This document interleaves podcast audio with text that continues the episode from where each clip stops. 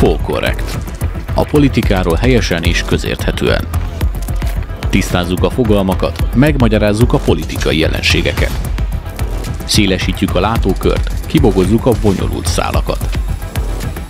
Polkorrekt. A középpont új sorozata most a Hit Rádióban.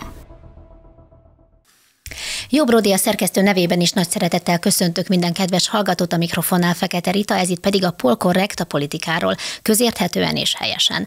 Nagy szeretettel köszöntöm kedves vendégünket itt, Ceglédi Zoltánt, politikai elemzőt, publicistát, jogászt, humoristát, az öt közéleti tévéműsor állandó vendégét és a Spirit FM műsorvezetőjét, illetve van egy új projekt is, a Lakner és Ceglédi, ami pedig az ATV YouTube csatornáján podcastként fut, ha jól tudom. Sok sikert kívánunk előre is hozzá itt a kampányidőszakban van.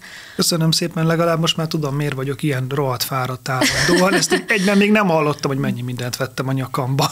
Gondoltam is, hogy azzal kezdem, hogy hogy lehet ezt bírni? Ö, nehezen, nekem, nekem van egy aktuális dilemmám ezzel kapcsolatban, hogy, hogy, hogy mi van a zsákban, ahonnan folyamatosan kiveszem a tartalmakat, és, és egy, ha úgy tetszik, akkor hogy mondjam ezt, ezt szépen. Szóval önkritikám vagy félelmem azt illetően, hogy lehet ennyi mindent úgy csinálni, hogy az jó legyen. Tehát nekem van most egy ilyen deadline belőve, szerintem a közélet az idén április harmadikáig, meg az azt követő, akár ez lesz, akár az lesz, de zűrzavaros időszakban lesz érdekes, de nekem utána le kell feleznem kell, amit most csinálok, mert kell input, kell, ami bemegy, amit aztán kivehet az ember, és én most lényegében mindent el fogok szórni a következő három hónapban, amit elolvastam, megnéztem, meghallgattam, és utána megint töltekezni kell, mert ugye a a, a hozzám hasonló figurák, azok bizonyos szempontból a levegőt árulják, ami kijön a szájukon. És hogy, hogy annak mi a tartalma, az attól függ, hogy, hogy előtte mennyi minden ment be oda, mit olvasott, mit tapasztalt, mi, mi, mi jött neki szembe, akár tudatosan is, és én azt érzem, hogy van még tartalékom erre a két-három hónapra, de az, az visszaélés lenne mindenféle figyelemmel, türelemmel, meg, meg bizalommal, hogyha azt gondolnám, hogy lehet ezt hosszabb távon is csinálni. Hát örülök, hogy mi ebben a két-három hónapban Én nem ezt akartam kiprovokálni, de köszönöm szépen. Na és a mai témánk ugye a politikai közép a centrista politika egyáltalán van ilyen. És hát akkor hagyd tegyem fel így a kérdést, hogy egyáltalán van ilyen? Én ebben szkeptikus vagyok. Én azt látom, hogy aki magát centristaként szokta meghatározni a politikában, az gyakran alibit keres két dologra. Az egyik lehetősége az, hogy ő igazából liberális, csak attól tart, hogy e, ebbéli minőségében őt olyan előítéletek, előítéletek sújtanák, amelyek miatt nem tudná elmondani, amit a világról gondol. Ugye a, a Magyarországon a 2010-et megelőző időszakban lett egy nagyon rossz megítélés a liberalizmusnak, szerintem sok szempontból egyébként inkább kicsúf megcsúfolták, mint megismerték ezt az ideológiát, és, és ugye nemzetközi viszonylatban is lett ebből egy, ha úgy tetszik, paródia.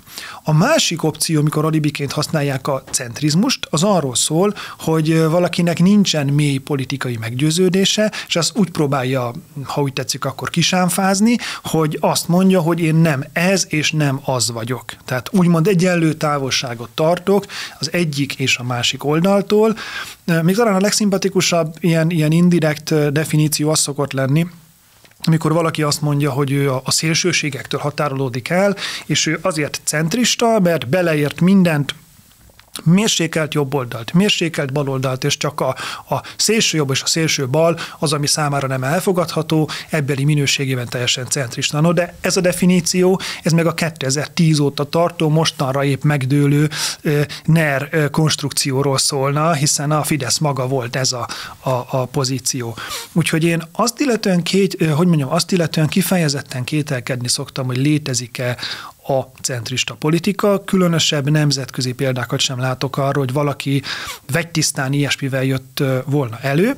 Ami lehetséges, hogy bizonyos politikai szereplők azok úgymond mozgásban vannak, és ebbéli mozgásuk során mondják magukat centristának, vagy fogják rá mások, hogy, hogy ők centristák lennének, mert elindultak, nem tudom, Macron elindult egy szocialista kormányzásból, és egy, egy liberális politika felé, aztán onnan is tovább, és mindeközben nagyon figyelt, hogy például az az európai parlamenti frakció, amelynek a derékhadát ugye az ő franciái adják, azok ne nevezzék magukat liberálisoknak, mint korábban, hanem ugye ez Európa megújítása, Renew Europe néven futnak, ami megint egy ilyen, egy ilyen centrista csomagolás. Az utolsó gondolat ehhez. Én nem tartanám az butaságnak egyébként, hogyha a közhelyes leszek, hogyha a, a Lagomtól egészen a, a, a, a moderált, ilyen, ilyen, ilyen szép, langyos mediterrán délutánokig nagyon sok európai példát hoznánk arra,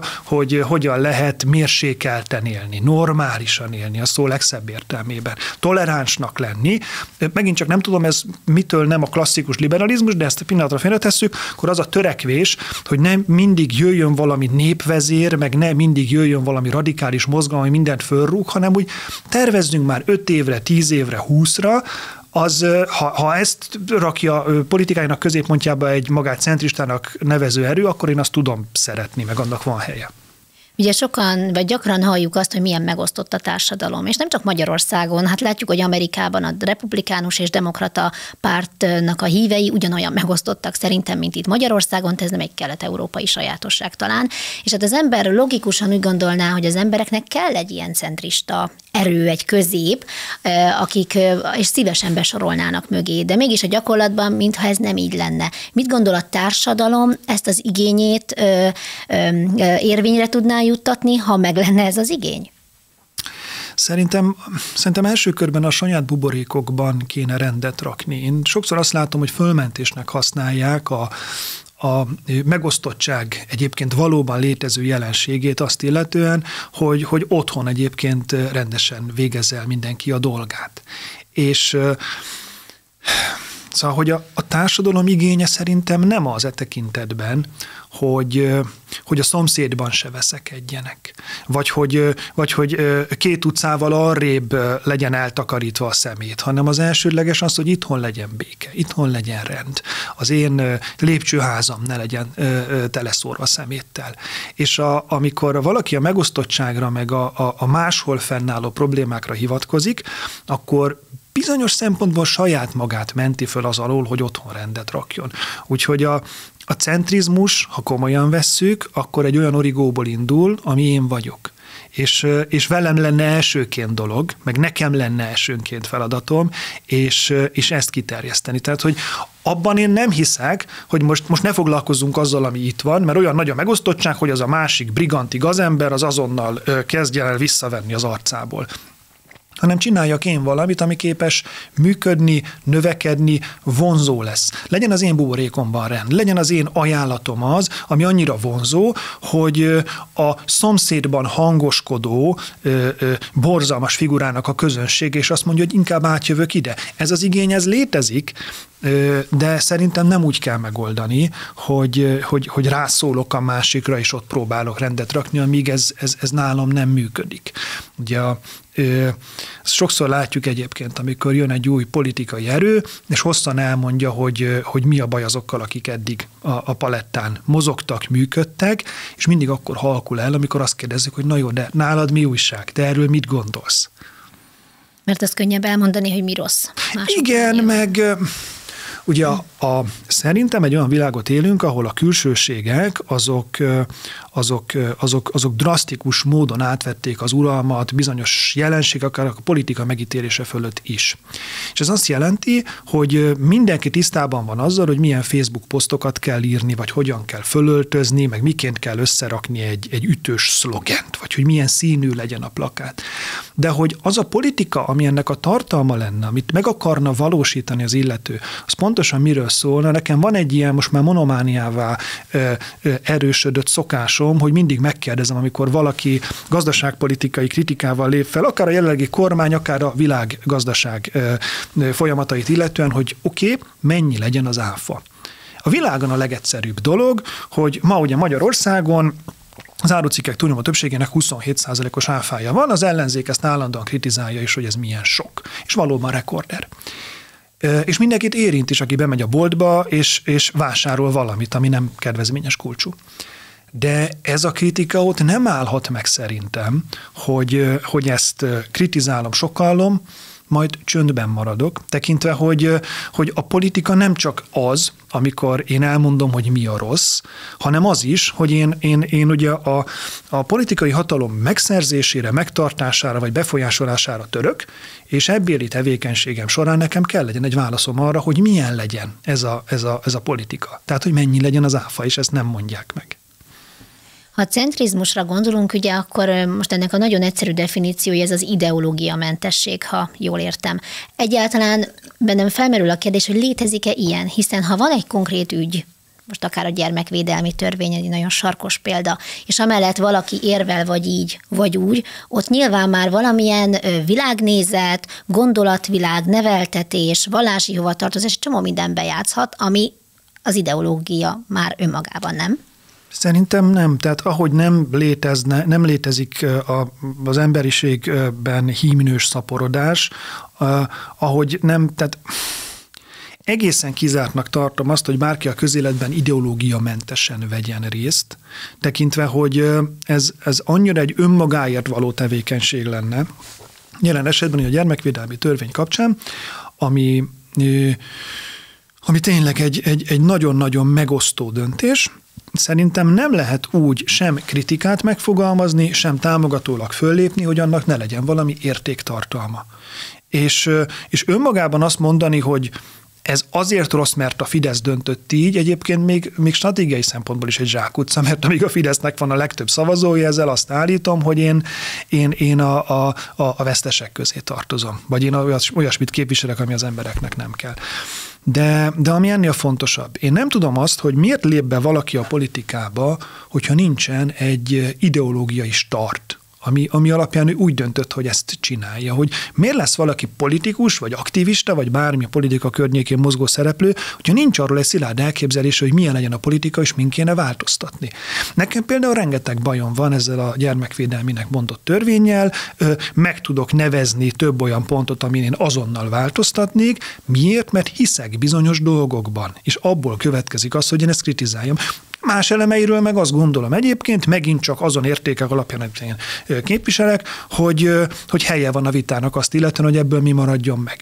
De de ettől én még tudnék egy határozott álláspontot fölvenni arról, hogy ez, ez milyen és mit jelent. Pont a gyermekvédelmi törvény azért jó példa, mert az ellenzéki pártok jelenleg ezt nem teszik meg. Én ezt egyébként liberálisként felháborítónak tartom, hogy a civil szervezetek részéről, meg a, a kétfarkú kutyapárt részéről van arra válasz, hogy mi történjen a népszavazáson, ami erről a gyermekvédelmi törvényről szól, egy kvázi referendum, mert bár ugye kicsit hagyjogászkodjunk, ugye nem magát a törvényt raknák oda, hogy referendum legyen, és annak a megerősítése vagy eltörlése legyen a cél, de lényegében annak tartalmáról szavaznak majd. És az ellenzéki pártok nem mondanak semmit. És ezt én egy óriási bajnak tartom, és nem azért, mert azt várom, hogy kapára, kaszára induljanak el, meg nem is azt, hogy zárkózzanak föl a kormány mellé ez ügyben, hanem hogy legyen egy, egy, egy kimunkált álláspontjuk. Mert önmagában az, hogy egy frakcióvezető a parlamentben havi két és fél millió forintot keresett, és szeretné ebbéli munkáját, keresetét megtartani, az engem nem sarkar arra, hogy, hogy, hogy rászavazzak.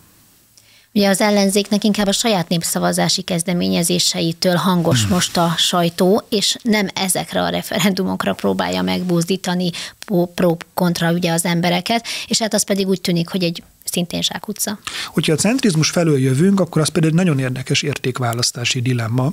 Ugye, hogy az ellenzéknek van két föltett kérdés. Az egyik az álláskeresési járadék időtartamának a meghosszabbításáról szól, a másik pedig a Fudán Egyetemről. És hogy mind a kettő valahol szerintem megúszza igazából azt, hogy, hogy állást foglaljon ideológiai alapon szakpolitikai kérdésekben. Hogy az álláskeresési járadéknak a, a, a folyósítását akarnák megtriplázni, úgy tetszik, tehát 90 napról 270-re növelni. De ez lényegében a, a ma működő rendszer változatlanul hagyását jelenti, csak több pénzt szórok, de ugyanazon a csövön keresztül. És ez mármint, hogy hosszabb ideig, és akkor az összeg lesz több. De ez nem mond semmit arról, hogy én mit tartok helyesnek, hogy a, a munkáját elvesztett emberrel mi történjék. Mert ha azt, amit a mostani kormány csak többet adnék, az ideológiai értelemben nem egy állásfoglalás. Tehát, hogy nem mondja azt, hogy de igenis akkor, akkor nem tudom, feltétel nélküli alapjövedelem legyen, nem mondja azt, hogy akkor, akkor legyen feltétele a folyósításnak, vagy, vagy hogy mi történjen közben, milyen képzéseket kellene csinálni, vagy milyen egyéb segítséget kellene nyújtani. A Fudánnál meg az a helyzet, hogy van egy ellenzékünk tele, most ilyen sok idézőjelet mutatok, egyetemi emberekkel, akik most egy felsőoktatási intézmény ellen tiltakoznak. Ez egy nagyon nehéz helyzet. Nagyon nehéz helyzet egy főpolgármester számára, aki szintén egyetemi oktató volt, nagyon nehéz az ellenzék értelmiségi hátországa számára azt mondani, hogy ne legyen. És, és megint csak Szerintem az egyik legfontosabb kérdése bármilyen magyar kormánynak a következő évtizedekben az, hogy hogyan viszonyul Oroszország mellett Kínához milyen kapcsolatokat akar föntartani. Ugye ez ügyben is megosztott az ellenzék, Újjai Istvánnak van egy Kína realista álláspontja, a az új baloldali ö, ö, véleményformálóknak van egy kifejezetten Kína barátálláspontja. Miért? Mert ugye Kína az illiberális, és, hogy, és mivel ők sem szeretik a liberalizmust, ezért aztán Kínát azt elkezdték szeretni. Ugye a belvárosi értelmiségnek is van egy vonzódása ahhoz, hogy Kína milyen jól bezárt mindenkit a koronavírus alatt, és tényleg hát a, hogy nem mondjam, a szabadságjogok érvényesülésének a csimborasszója ráhegeszteni emberekre a, a vaskaput a társasházak előtt. Na de hogy a, a, a, az a, tehát hogy nem bontakozik ki mindebből az a szándék, hogy a magyar felsőoktatás egyébként hogyan működjék. Tehát, hogy vannak ezek az érvek, nem akarok hosszán belemenni, hogy, a, hogy a, milyen rossz, hogy a CEU-t elüldözték, rossznak tartom. És hogy milyen rossz, hogy itt lesz a kínai egyetem, mert a magas fizetésekkel a jó oktatókat átcsábítja. Most a CEU esetében ez nem állt fönn. Tehát, hogy, és, meg, hogy, meg hogy jön a kínai egyetem, és csak a gazdagok tudnak ott tanulni. Most a CEU esetében nem csak a gazdagok gyerekei tanultak ott javarészt. Persze, voltak kiváló ösztöndíjak, de hát azért a többségnek ott is keményen fizetnie kellett. És és hogy mondja már Kizaj Péter, hogy a Fudán az egy migráns egyetem lesz. Na most én megnézném, hogy a CEUN hány magyar és nem magyar tanult, és az derül neki, hogy azért ott is vannak jó páran, akiket ő migránsnak mondott. Mondom mindezt úgy, hogy én sajnálom, hogy nincs itt a CEU, és sajnálni fogom azt is, hogyha meg tudják akadályozni, hogy a Fudán ide jöjjön. A ha centrista politikát képvisel bárki, most a nyitó definícióból kiindulva, akkor szerintem neki az alapvetően az az érdeke, hogy Magyarországon minél több jó minőségű felsőoktatási intézmény működjék, amelynek, és a, nekem a Fudán kapcsán ez a fő kritikám egyébként, és szerintem az ellenzéknek is ez kéne, hogy legyen, amelynek a finanszírozása is átlátható és rendben van. Tehát, hogy ne Magyarország költségvetéséből, vagy a magyar állam által fölvett hitelből fizessenek ki valamit, ami legalább annyira megérni Kínának is. De akkor, ha most jól értem, azt mondja, hogy mivel a, az ellenzék, az összefogás nem tud ilyen ideológiai vitákba belemenni, vagy nem megy bele ezekbe a vitákba, valamilyen módon centrista akarna lenni, vagy így akarna föltűnni? Szerintem ez azért nehéz ez, mert az ellenzéknek lett volna legalább két útja tavaly nyáron az előválasztáson. Hogyha Karácsony Gergelyt választják meg az előválasztáson, amire elején a legnagyobb esély volt, akkor, akkor lett volna egy hagyományos, ilyen moderált, a baloldal és liberális politika között pendliző, értelmiségi vezetésű ellenzék, amelynek lett volna egy vidéki jobbikos leágazása. És ezt egyébként egy működőképes tandemnek is gondolták, ugye eredetileg úgy nézett volna ki a miniszterelnök, miniszterelnök helyettes jelölti leosztás, hogy karácsony nyer, és akkor ő a szemüveges fővárosi egyetemi ember, és ehhez képest maga mellé veszi a kiabáló vidéki Jakab Pétert.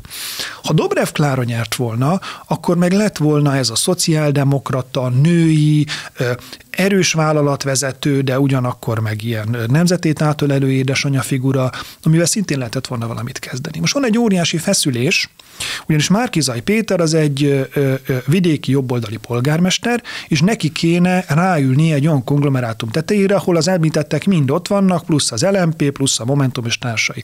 Centrista definíciója ennek csak akkor lehet, ha azt mondjuk, hogy aktuálisan semmi erős állítást nem lehet tenni ideológiai alapon, mert mindig lesz valaki, aki ezt megvétózná. Ezért húzódott ilyen nagyon sokáig a program készítése is, ezért volt nagyon nehéz árnyékkormányt is felállítani, egyik sincs még igazán kész, de én azt nem mondanám, hogy az ellenzék jelenleg centrista, vagy megint csak a tekintetben centrista csak, hogy nem foglal állást ideológiai kérdésekben. És ezért volt nyilván beindítani nehéz a kampány motorját, mert még azt látni, hogy ebben is egy kicsit le vannak maradva az ellenzéki oldalon. De akkor már Kizajra már lehet azt mondani egy picit, hogy próbál legalábbis centrista lenni, nem? Mert megpróbálta megszólítani a keresztényeket, a jobboldaliakat, de közben olyan dolgokat is mondott, amit a liberálisok szoktak. Tehát például a, a melegházas, a melegekkel kapcsolatos kijelentései a másik oldalnak szóltak, de mindig hangsúlyozta, hogy ő egy keresztény hét édesapa, ami pedig a másik oldalnak szólt. Ez egy sima republikánus politika lenne az Egyesült Államokban. Tehát ö, amit Márkizaj Péter képvisel, és nem ok nélkül, ugye neki nincsen magyar ö, ö, politikai memóriája, ö, ö, tapasztalata, az ő, ő belpolitikai eszmélése az alig, há, alig három-négy éves. Ő 2018 eleje óta van jelen úgy a magyar politikában, ez alig négy év, hogy, ö, hogy valamennyire releváns szereplőnek tűnjék. Ellenben sokkal többet élt és tapasztalt az amerikai meg a kanadai politikából. Márkizaj Péter, amit mond, az, az jellemzően két dologból áll, mondom a rosszabbat, a, a, a, a szerintem elhagyandót, és ezt most nem azért mondom, mert neki vagy nem neki drukkolok, hanem azért, mert ehhez értek, és szerintem a szakembereknek ezzel kéne kezdeni valamit nem szabadna bemondania azt, amit harcias ellenzéki Facebook csoportokban kommentként, ol, kommentként olvas, ezeket a különböző összeesküvés elméleteket. Ám de ami saját magától jön belőle, az egy, az egy nagyon klasszikus, az, mondom, az Egyesült Államokban a republikán, republikánusok által vallott politika. Ott ugyanis az nem egy liberális vagy baloldali gondolat, hogy, hogy a, a melegeket tolerálni kell, hanem az a republikánus párt hivatalos politikájának is a része. Nyilvánvalóan nem, nem a, a demokraták által erőltetett gender WC szélsőségig, meg, meg, meg, meg pubertás blokkolóig elhúzva, de tőlünk nyugatabbra a jobb oldal sem homofób már. Nem homofób Németországban, Spanyolországban, az Egyesült Királyságban, és nem az ö, Amerikában sem.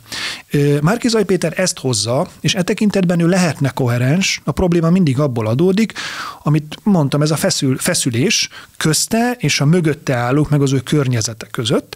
Tehát amit ő képviselne, az nem véletlen volt egyébként némi riadalom Fideszes oldalon, mikor őt megválasztották miniszterelnök jelöltnek. Mert az látszott, hogy most először egy olyan típusú kihívást kap Orbán Viktor, olyan irányból, ami korábban nem volt. Picit hasonló volt 2018 környékén a Jobbik részéről, ugye Vona Gábor is megpróbált ebbe a figurába bemenni, ő is elrontotta, teszem hozzá, tehát amikor ő bement a Spinoza házba, amikor ő, ő, ő megpróbált ahhoz a rétegéhez fölzárkózni az ellenzéki nyilvánosságnak, ami, ami jellemzően a, a, az Orbán ellenességben a legradikálisabb, akkor elvesztette azokat, akik vele egy új, konzervatív erőt szerettek volna építeni.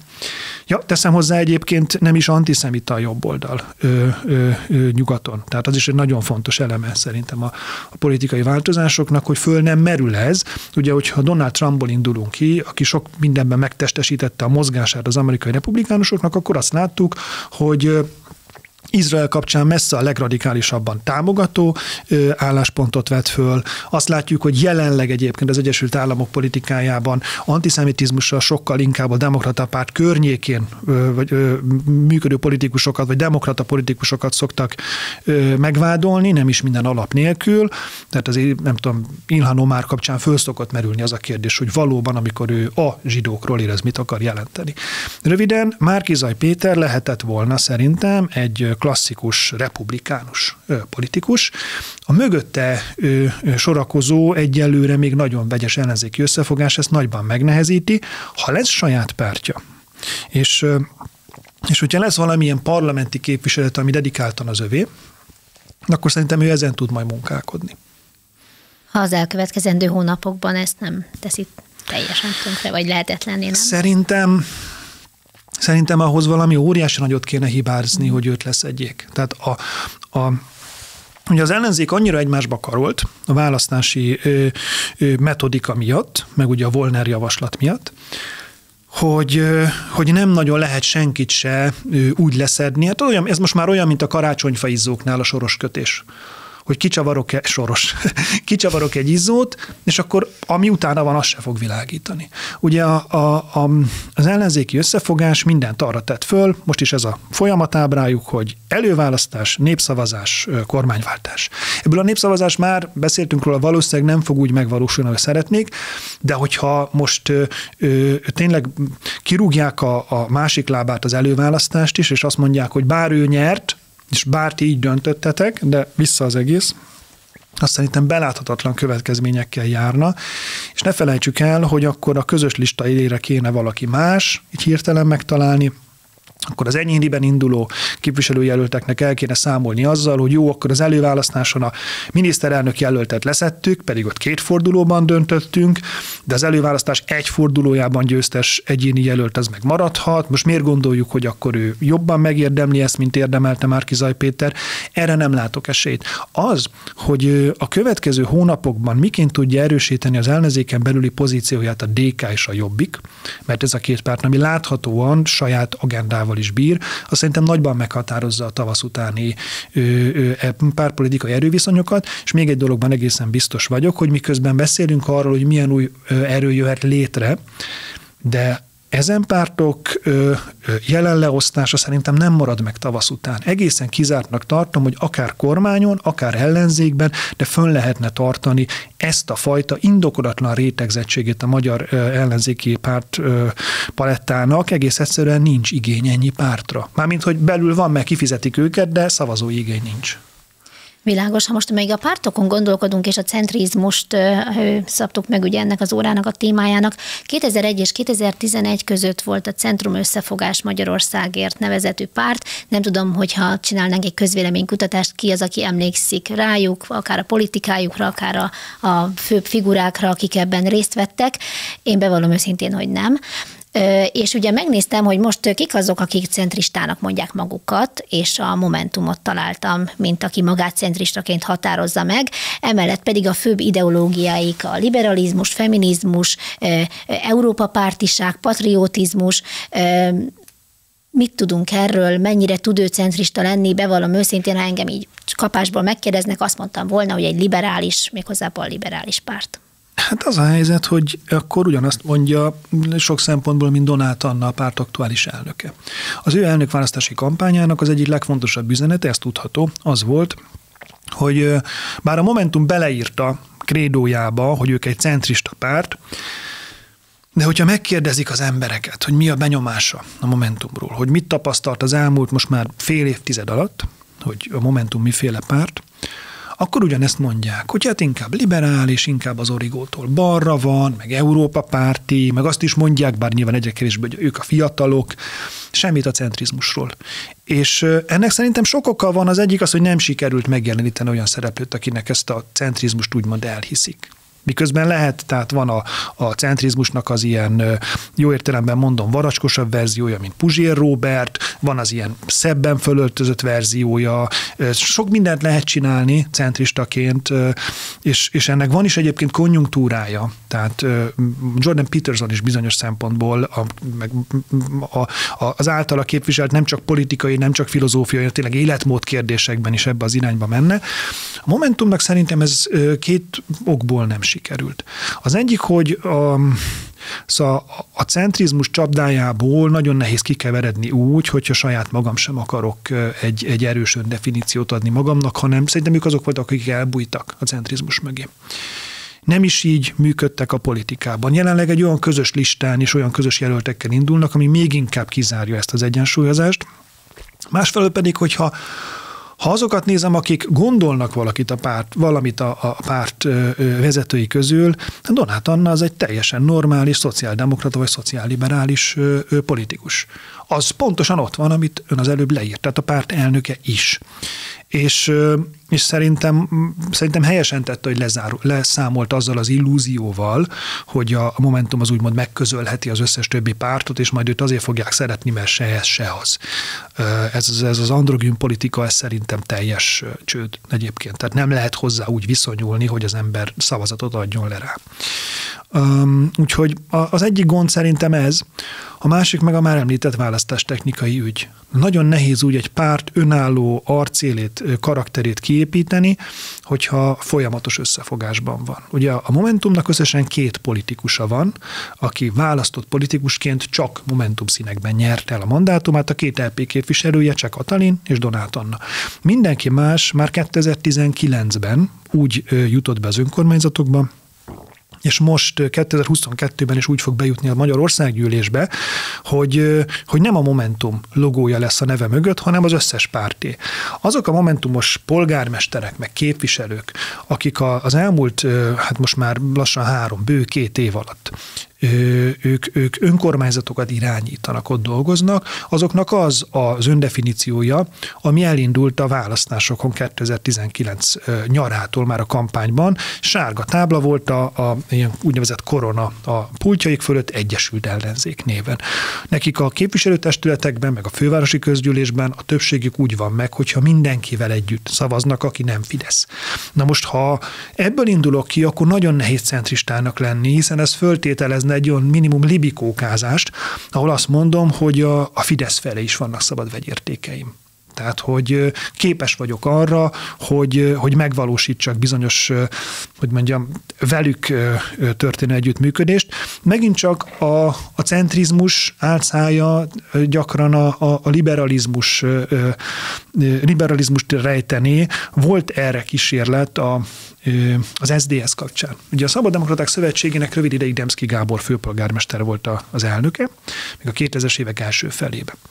És és az történt, hogy ő kifejezetten az egyenlő távolságtartás politikáját hirdette meg. Azt mondta, hogy a, a világban fölmerülő nagy kérdésekre van legalább három válasz, ez egy egyenlő oldalú háromszögnek a három csúcsa, konzervatív, szocialista és liberális és hogy a, a, a, a konzervatív a Fidesz, a szocialista az MSZP és a liberális lenne az SZDSZ. Ezzel a programmal egyébként egy kifejezetten sikeres európai parlamenti választást is tudtak lebonyolítani ugye 2004-ben, és mégis Demszki Gábor viszonylag hamar megbukott, köszönhetően annak, hogy a pártja ezt nem így gondolta, hanem azt, hogy az MSZP-vel kell összefogni a Fidesz ellenében. A centrizmus feltételezné azt, hogy én fizikailag is középen vagyok, tehát hogyha komolyan veszem ezt a definíciót, a Momentum Momentumnak erre nincsen lehetősége, tekintve, hogy egy közös listán van, közös jelöltekkel indul, és egy kormányváltás esetén közösen fog kormányozni, ha ellenzékbe kényszerül, akkor meg ugye föl kell tennie magának mindazon kérdéseket, amiket most már nagyon régóta megspórol, amit 2018 óta gondolt eldönteni úgy, hogy akkor ő, ő a, a ellenzékpártjaival lesz szorosabb összefogásban, összefüggésben, hogy akkor ez, ez mennyire fenntartható, és, és lesz egyáltalán még momentum. Hát és nem tudom, hogy amikor ezt, ugye az összefogásnak ezek a, tehát ezek az egyességek megszülettek, akkor a Momentum mit gondolhatott, hogy mit nyerhet ebből? Hiszen, ahogy beszéltünk róla, azért a magyar politikában láttunk már ilyen összefogósdit, és ugye az SZDSZ-nek is azt mondják, hogy ez az egyik nagy hibája, és a bukásának az egyik ö, oka, hogy akkor az MSZP-vel összefogott. Na most ö, Ugye látjuk a mi hazánkat, aki kivált a jobbikból, egy elég markáns, most ugye nem érték szempontjából mondom, csak egy markáns politikai arc, amit ott látunk. És ő nem fog össze senkivel, ő viszi azt a saját politikát, amit ő jónak lát. A Momentum ezt nem tudta volna, vagy nem lehetett volna ezt megcsinálni, hogy akkor maradjon egy ilyen színfolt azért az ellenzéki oldalon, hogy van valaki, aki azt mondja, hogy ő nem tagozódik be ebbe a nagy kondérba, nem mászik bele, hanem ő egy új színfolt, ők a lilák, ők a fiatalok. Ezt csak akkor lehet megcsinálni, és én ebben nagyon megértő vagyok a Momentummal, ezt csak akkor lehet megcsinálni, hogyha valaki annak ódiumával áll ki, amit az LMP sem bírta el egy idő után, hogy azt mondja, hogy engem nem az érdekel, hogy ki lesz a miniszterelnök. Mert ugye minden külön indulás, és ez a jelenlegi választási rendszerben pláne így van, az nem csak rólam szól, hanem arról is, hogy az én indulásom az kitől vesz szavazatokat, mit befolyásol. És, és a Momentum az arra jutott, hogy neki a legfontosabb Orbán Viktor leváltása. Szerintem ez egy legitim meg meglehetősen altruista cél a, a pártot tekintve, és bizonyos szempontból önző cél a párt ö, jelöltjeit tekintve, mert hát ugye az ő mandátumuk akkor biztos, hogyha egy közös listára vannak fölrakva, hogy hogyha egyéniben indulva csak ők az ellenzéki térfél meghatározó szereplői. de mondom, a párt részéről ez egy kifejezetten a, a nagy közös célben feloldódó ö, vállalás. És, és nyilvánvalóan, miután ők ezt eldöntötték, onnantól kezdve a külön útra nem igazán volt lehetőség.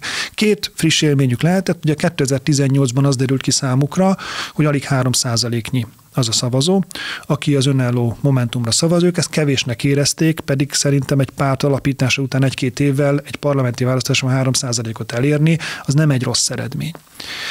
A, a másik élményük a 2019-es LP választás volt, ahol meg 10% körüli listás eredményt értek el. Szerintem ott, ott nagyon nehéz töprengés volt azt illetően, hogy lehet-e ezt tovább vinni, lehet-e tovább önállónak lenni. Csattanós választ adott erre a 19 ősszel, ahol az önkormányzatokban meg az összefogással szereztek jobb pozíciókat, és szerintem utóbbiba ragadtak bele. A mi hazánk azt mondja, hogy ők nem arról akarnak dönteni, hogy ki lesz a miniszterelnök. Szerintem ez Szóval egyszerre fair és bizonyos szempontból önző álláspont, külön beszélgetést érdemel, hogy a politikában az önzés az pontosan mennyire hasznos vagy káros. De mi azt mondja, hogy őket nem érdekli, hogy Orbán Viktor vagy Márkizaj Péter lesz a miniszterelnök. Ők azt mondják, hogy van van egy is jó, most éppen egy, ugye a, a, a koronavírus korlátozások és az oltás kapcsán, amit ők és csak ők képviselnek, létezik egy törésvonal, amelynek az egyik oldalán vannak a pártok, a másik oldalán pedig ők, és ezt akarják képviselni.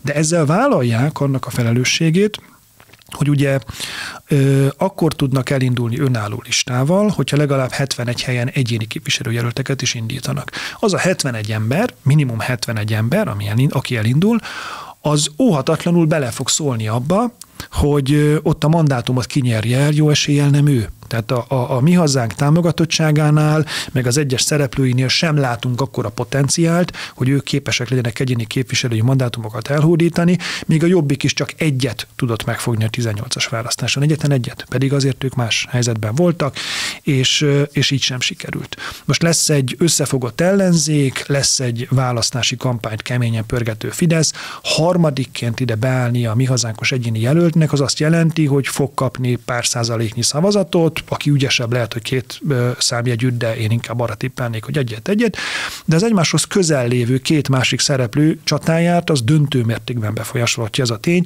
Megjegyzem, szerintem a mi hazánk már a Fidesztől visz, és nem a, a, a inkább balra, tőle balra lévő ellenzéktől. A listája a mi hazánknak egy érdekesebb kérdés. Ugye ez a legarányosabb rendszer a választási rendszer, vagy része a választási rendszerünknek, és azt látni ma már, hogy a mi hazánknak ebben az üzenetében esetében benne van az 5% tehát benne van a küszöbb fölé érés esélye, ami ugyanúgy meg lett volna szerintem a Momentumnak is. Sőt, tovább megyek, ha bátrabb lenne ez ügyben, meg hamarabb startolt volna, akkor a két farkú kutyapárt is ma, ma vidáman készülne arra, hogy parlamenti párt lesz, úgyhogy egyéniben nem nagyon nyer, vagy egyáltalán nem, de a listája 5% fölé tudna jutni, megint csak az ellenzék kritikusaiból. Szerintem a mi hazánk a Fidesztől, ha van csalódott Fideszes, akkor ma az inkább a mi hazánkhoz megy, és nem pedig az ellenzék, mint a baloldali ellenzékhez, míg hogyha valaki az ellenzékben csalódik, akkor meg tudja magát, az meg tudja találni a helyét például a kétfarkú kutyapártnál.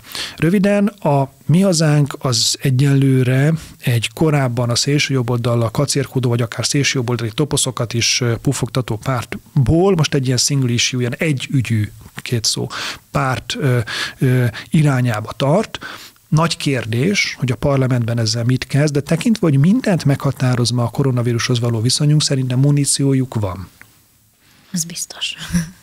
Ugye említette az elején még, hogy nemzetközi, nemzetközi politikai példát sem nagyon lehet találni a centrizmusra. Ez az Európai Parlamentben is így van? Úgy tudom, hogy ott van egy ilyen centrista tömörülés. Szerintem az európai politikát, az európai politikában az ideológiai meghatározottság az mindig mást jelent, mint amit mondjuk itt, ami a belpolitikánkra megpróbálnánk lefordítani. Érdemben szerintem a centrizmus definícióját azt az Európai Parlamentben sem adják meg.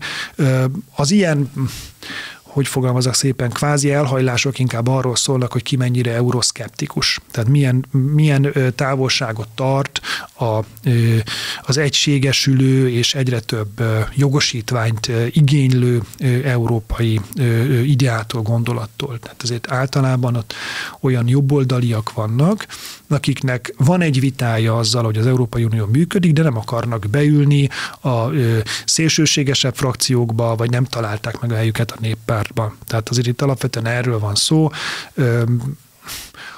A jobbik maradéka például tipikusan ilyen, mm, tehát ilyen aspirációkkal rendelkezhet. Na de az Európai Unióban azért a, a döntéshozatalnak a dandárja az a nagyon klasszikus meghatározottságú, vagy nagyon klasszikus ideológiát vívő frakciókra marad, Nekik viszont együtt kell működnie ahhoz, hogy a többség meglegyen. Tehát ez, ez megint csak, hogy mondjam, kicsit az úgymond centristák lábalól húzza ki a talajt, hiszen hogyha eleve együtt kell szavazni egy költségvetés kapcsán mondjuk egy konzervatív, egy szocialista, egy liberális frakciónak, akkor ott nagyon nehéz fölépni azzal az igényel, hogy van valami nagyon ilyen, és ehhez képest meg egy olyan, és ehhez képest én középre állok, mert hát azok egybe vannak. Igen, mekkora hitelt veszünk fel a felét, mondjuk Igen. akkor ezek szerint. Akkor ha kicsit össze akarjuk foglalni, akkor lehet azt mondani, hogy ez a centrizmus, meg az a középen állás inkább egy ilyen politikai taktikának a része, mint sem egy komoly, kiforrott gondolatvilág?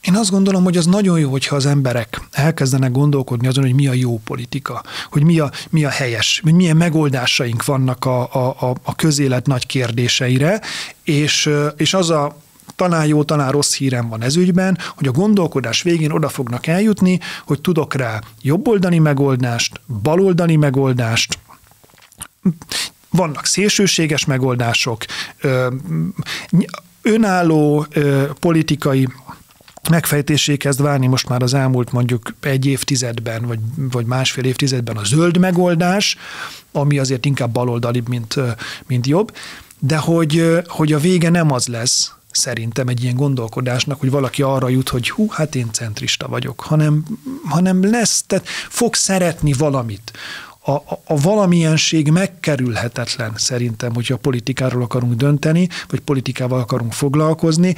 Szembe jön az első költségvetés megszavazásánál, szembe jön az első keresztkérdésnél.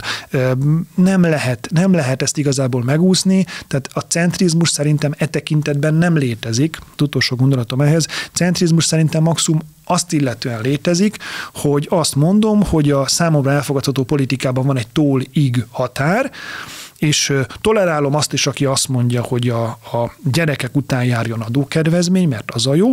Tolerálom azt is, aki azt mondja, hogy segélyezni kell a szegény családokat, ahol nincsen ö, ö, ö, fizetés, tehát nem tudnának az adóból semmit. Tehát, hogy, hogy be tudok járni a gazdaságban, be tudok járni a, az egészség, mindenhol be tudok járni egy ilyen ö, ö, utat, és centrizmus az, hogy semmit, sem ott nem megyek bizonyos ö, szélsőségekig.